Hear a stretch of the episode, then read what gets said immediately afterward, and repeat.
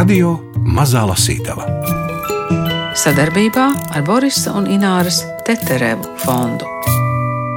Nu, jau vispār šķita nu, dažādi veidi, kā to grāmatu tagad lasīt, jo tas nav tā kā lasīt romānu, tas ir stipri savādāk. Jā. Es gāju mazliet tādu ceļu, ka pēc dažām adresēm mēs varētu iet. Bet, eh, protams, ka jūs varēsiet izstāstīt arī mm. varbūt to jūsu ceļu, kā jūs faktiski sākāt par tiem antīkiem tēliem tieši nu, Rīgas ielās, Rīgas namos. Kāpēc tā? Mm. Par to pirmā daļa, par to, kā lasīt, ja, tad man Uzreiz nāk prātā manas korektoras eh, ievas, kas korģē manu grāmatu. Viņa teica, ka atkal esmu uzrakstījis grāmatu, kuru nedrīkst un nevar lasīt pirms gulēšanās. Tādēļ, ka viņa ir smaga. Ja, ja lasa un pēkšņi aizmieg, tad uzkrīt uz sejas un salauž degunu. Jā. Jūs eh, tā kā romieši saīsinājāt, pilnā vārdā tā ir Ieva Zarāna. Zarāna, jā, jā Ieva Zarāna. Sarunas ar Sīju pie vakariņu galda piedāvājums lasīt lekciju un pārdomas par leģendu, kas no Kartāgas atceļojusi līdz Rīgai Rīgai, vēstures zinātņu doktoru un Latvijas Universitātes vēstures un filozofijas fakultātes profesoru Hariju Tumanu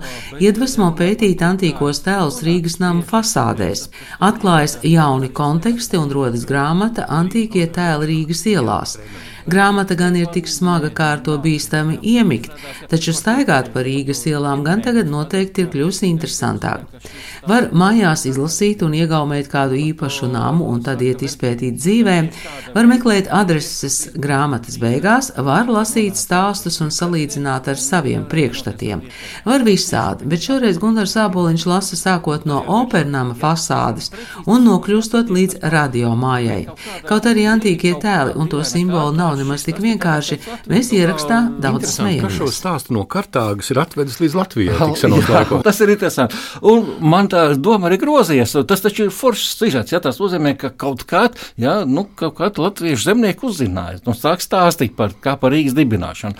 O, bet veselā lekcijā nesanāk. No, no, es, redziet, es jums izstāstīju pāris minūtes laikā. Es varētu pastiept un vēl varbūt 10, 15 minūtes par šo sižetu stāstīt. Jā. Bet ne vairāk. A, man veselā lekcija jānolasa. Tas neder. Un, un nekas cits prātā nenāk. Un tad mēs sēžam vakariņās vienreiz ar sievu pie galda, dalos ar pārdomām, saka, nu tā un tā. Uz uzdevums ir, bet tēmas nav, nevis izdomāt. Viņš saka, pagaidi, paskaties, taču paceļ acis, paskaties uz, uz namu fasādēm.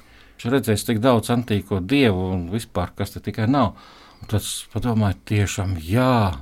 Ģeniāla ideja. Un tā, pateicoties sievai, nonāca pie šīs idejas. Bet tas jau tā kā tika radīts viss klasicismu periodā, vai nu, pseidoklasicīsmu periodā. Nu, tie tēli tur ir. Jā, nu, jā un viņi ir diezgan daudz, bet, uh, bet tā ir tēma. Jā. Un es uh, sāku vākt materiālu. Pirmais objekts, protams, Rīgas operas nams. Nu, tas tā... arī pirmais, ko es uzšķīru. Jā, nu redz. Rīgas operas tēli. Tieši tā. Nodaļu vislabāk sākt ar spilgtāko, skaistāko un visiem labi zināmo klasicismu celtni Rīgā, kuras fasāde nes visvērienīgāko un interesantāko antīko tēlu kompozīciju, proti, ar operas namu. Latvijas Nacionālās operas un baleta ēka Aspazīs Bulvārī 3. Tas tika uzcelts kā Rīgas pirmais vācu pilsētas teātris, lai aizvietotu iepriekšējo novecojošo ēku Lielajā ķēniņu ielā, tagad Riharda Vāgnera ielā 4. 1857. gadā sākās Rīgas aizsargmūru un vaļņu nojaukšanas darbi, kuru rezultātā atbrīvojās vieta pilsētas attīstībai. Jaunajai teātrai ēkai tika izvēlēta vieta uz bijušā pankūku bastiona pamatiem. Projektu izstrādāja vācu arhitekts no Pēterburgas Ludvigs Bonštets. Savukārt fasādes skulptūras veidoja vācu telnieki no Berlīnes Hermans Vitiks un Hugo Hāgens. Teātris tika svinīgi atklāts 1863. gada 29.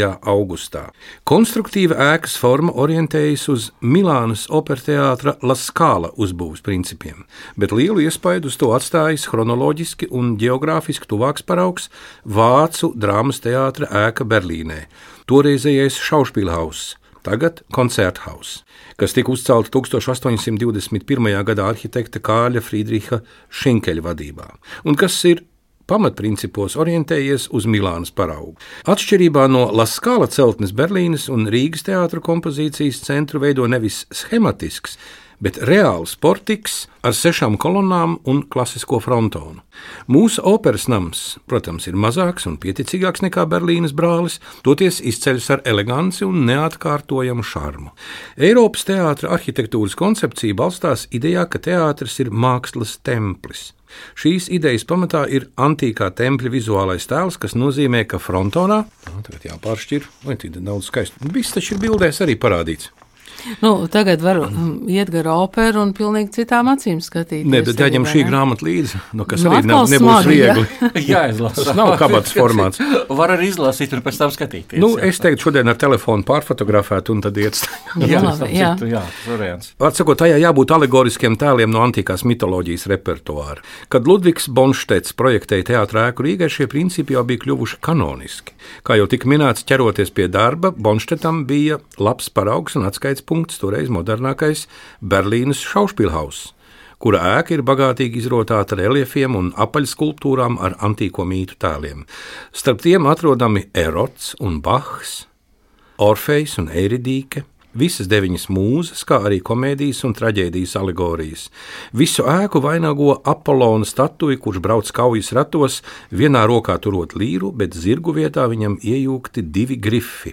Apollona vieta ēkas kompozīcijā ir pašsaprotama. Sengrieķu mitoloģijā viņš bija mākslu un mūzu aizbildnis. Dabiski, ka Rīgas teātris ēka nevarēja sacensties ar Berlīnas ēku, bet jau pirmajā acu uzmetienā kļūst pilnīgi skaidrs, ka tā celta vadoties pēc tiem pašiem principiem. Tas nozīmē, ka arī fasādes tēli jaunākajai māsai Rīgā neapšaubāmi ņemti no tās pašas operas. Ziniet, par ko es visvairāk um, ambrīnoju jūs, ka nu, ne tikai senvēsture, ne tikai jūs kā vēsturnieks, bet tur ir arhitektūra, tur ir tēlniecība, tur ir arī pilsētu būvniecība. Kā jūs ar visu to tikāt galā? Pirmā brīdī es biju nobijies. Un kādā brīdī jā, man bija jāsaprot, ko darīt ar to arhitektūru. Jā, jo es saprotu, ka es neesmu speciālists un nebūšu. Jā, tad, tas, tas, protams, nav mans. Tā tad, ko? Un saprotu, ka vispār mana arhitektūra tā nu, tikai fons, jā, jo es runāju par tēliem. Es pirmā brīdī mēģināju, tad, tad, izmantojot vārnīcu, to visu likt, bet pēc tam sapratu, ka nē, tad šī grāmata būs nelasāma. Tad jābūt speciālistam. Un es no tā teicos. Un atstāja tikai nu, pašus frontons, portiks, nu, vēl kaut kādas pamata lietas, nu, kas ir vispārīgas. Ja? Un visu pārējo es dodu aprakstoši. Un tā arī ievadā paskaidroju, ka es gribēju, lai man grāmatu varētu lasīt nu, jebkurš cilvēks, kurš nav, nav iedziļinājies šajā terminoloģijā. Tad, kad sāk lasīt par tiem rizalītiem un šitām pārējiem, tad viss nabaks iestājas panika. Man pašam tad, tad jāmeklē uzreiz, kur paskaidrojums un kas. Un tad es attiecīgi to visu minimizēju, bet atstāja minimāla līmenī. Tas viss paskaidrots ir. Un, manuprāt, tagad viss ir baudāms un lasāms. Un, principā, visu informāciju atradu. Man jau galvenais bija, kas kura laikā ēka celta, kas ir cēlis. Jā, un kurā kuras, laikā tad visvairāk ir celtas? Tās... Nu, mums ir 19. 19. gadsimts dominē, jā, kas ir īpaši, nu, protams, 19. gadsimta vidus, beigās un tāds jūgens stils, jā, līdz Pirmajai pasaules karam. Tur viss vairāk, viss skaistāks ēkas tika uzceltas. Un, un tam man ļoti palīdzēja krastiņi, Jāņa krastiņa grāmatas, kas mums ir par Rīgas arhitektūras nu, galvenais zinātājs, cik saprot. Protams, ir arī citi privātu entuziastu satikt. Kirillis Soklākovs, viņš gan krievu valodā, viņš, viņš ļoti daudz raksta, viņš tā izpētīja Rīgu, ka par, es, es ļoti abrīnoju viņu. Viņš... Krievi ir izpētījuši Rīgu labāk nekā mēs paši. nu, gandrīz tā. Bet es te vēl uzšķīru netīšām, es gribētu papildināt par tiem tēliem, kas ir uz operas nama fasādes. Zemāk frontona smaili rotā teātra ģēnija figūra kurš ar kreiso roku savalda lēcienā pacēlušos panteru, bet labajā tur masku. Ģēnija tēls ir patapināts no romiešu reliģijas.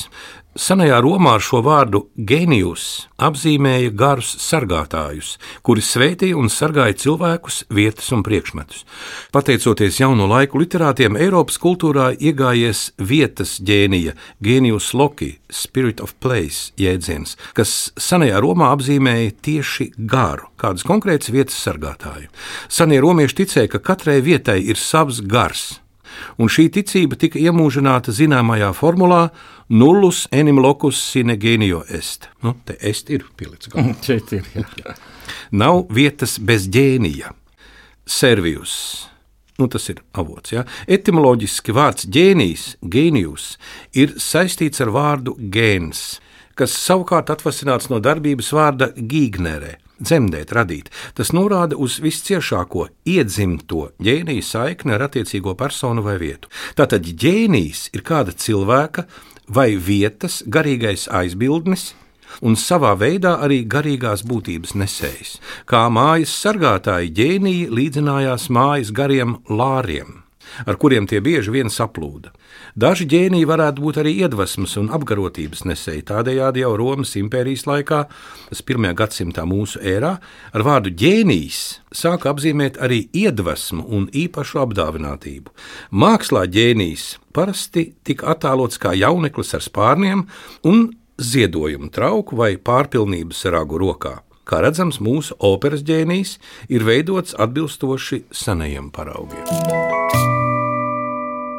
Nu, lūk, vēl viena zinātnes disciplīna, valodniecība arī piedalās. Ja? Jā, nu, kas attiecas uz latīņu, sengrieķu valodām, nu, tas man studiju tas ir jūsu pamata. lauciņš. Jā. Es to esmu jau, jau universitātē studējis, arhitektūru piemācījis klāt tagad jāstrādājot, bet uh, mans uzdevums jau bija izglītot un informēt, atšifrēt un paskaidrot, atklāt, jo ir daudzas lietas, kuras es pats esmu atklājis, kad uh, sapratu, ka nemaz nav tik vienkārši, ka šie tēli īstenībā jāprot vēl tiešām nolasīt un atšifrēt. Tātad mans uzdevums bija tiešām izpētīt, atklāt un padalīties. Vai jūs varat padalīties ar kādu savu lielāko atklājumu?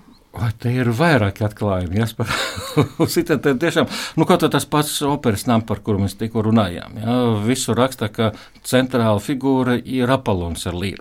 Nu, es te izpētīju, secināju, ka nē, tas ir Orfejs. Jā, tad tu var izlasīt, tur es diezgan plaši to pamatoju, kāpēc Orfejs. Jo vispār, starp citu, laikmetīgajā presē šī skulptūra grupa saucās Dzējas vara. Tas ir dzējas spēks, ja, nu, tulkot no vācu valodas. Tātad par dzēju, dzējas simbols ir Orfejs, ja, nu, viennozīmīgi. Nu, ja to var izlasīt, tad es to tagad nelasīšu. To var izlasīt, jā. Tepat netālu, jā, varētu teikt, Tepat laukuma netālu, jā. pretējā pusē.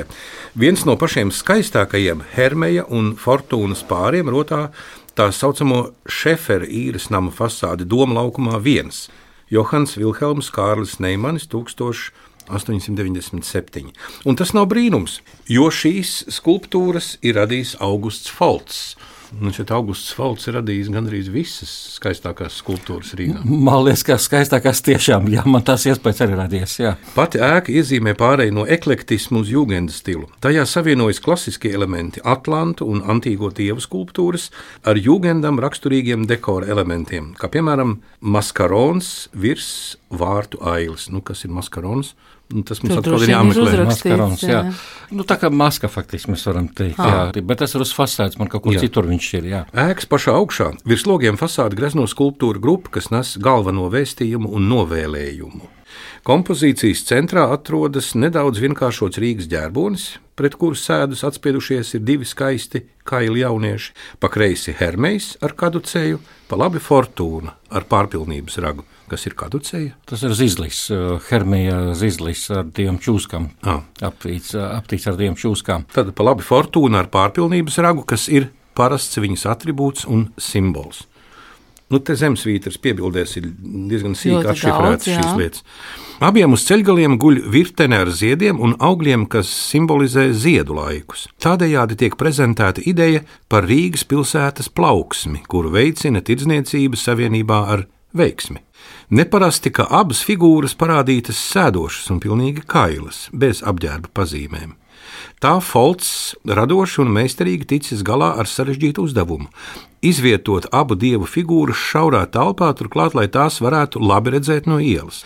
Abas figūras ir izveidotas pietiekamā lielumā, bet sēdošā pozā, kā arī ar kājām, kuras sniedzas pāri malai, kā rezultātā tiek panākts dzīvīguma efekts un skulptūras piesaista sev uzmanību. Un apģērbs sēdošajām figūrām nav vajadzīgs, jo tas, kas nav paredzēts apskatīšanai, ir labi nosegts. Līdz ar to šo mākslas darbu var uzskatīt par vēl vienu spilgtu tēlnieka talanta apliecinājumu. Uz Rīgas namiem tagad no citas skatu punkta raudzīsies gan Gunārs Aboliņš, gan Agita Bērziņa un Nora Mitspapa, gan Ingvilda Strautmane. Ēkā Doma laukumā astoņi, kuru arī rotā simboliski antīkie tēli, mēs lasām Harija Tumana grāmatu Antīkie tēli Rīgas ielās un sarunājamies ar autoru. Radio Mazā lasītava. Es sakiet, vai ir um, saglabājušies um, kaut kādi norādījumi dokumentos, nu, es nezinu, pasūtītājs vai īpašnieks vai pilsēta, ko grib redzēt? Nav tādu dokumentu. Tāda nav, jā. nav jā. Un, uh, tas arī radīja grūtību. Būtu, protams, ļoti vienkārši, ja, teiksim, kāda būvvaldes arhīvā jā, atrod visus aprakstus, bet tas ir interesants uh, moments, ka par uh, celtni, par pašu arhitektūru, jā, visi dokumenti ir, bet uh, dekors jau uz viņiem netiecās. Tā, tā, tā, tā lasot literatūrā, es skatos cilvēku rakstā par arhitektūru, dekoriem nepievērš uzmanību. Tas arī joprojām tas viņus neinteresē vai piemin, ka ir kaut kāda kompozīcija, tad parasti saka, vai nu tā ir alegoriskas figūras, alegoriskā kompozīcija. Un viss, jā. Ja tur, jā, ja tur kaut kāda Atēna vai Hermējs, tas ir Merkurs, jā, ir tāds, saka, ah, tur Atēna un Merkurs, piemēram, jā, ko visi atpazīst. Tālāk alegoriska kompozīcija un viss vairāk neko. Un tad, attiecīgi, tad man ir bija ko darīt, jā, to visu atšifrēt. Jā. Es kaut kur lasīju, ka tajā laikā, nu, būvvaldi, ja tāda, nu, vai kā tā organizācija sauc, Vienmēr kaut kāda institūcija. Jā, jā. pieprasīja, lai namu fasādes tiktu grazni rotātas. jā. Un tam tika atvēlēti arī līdzekļi, un tur bija darbs arī skulptoriem, kā Augustam Falcam.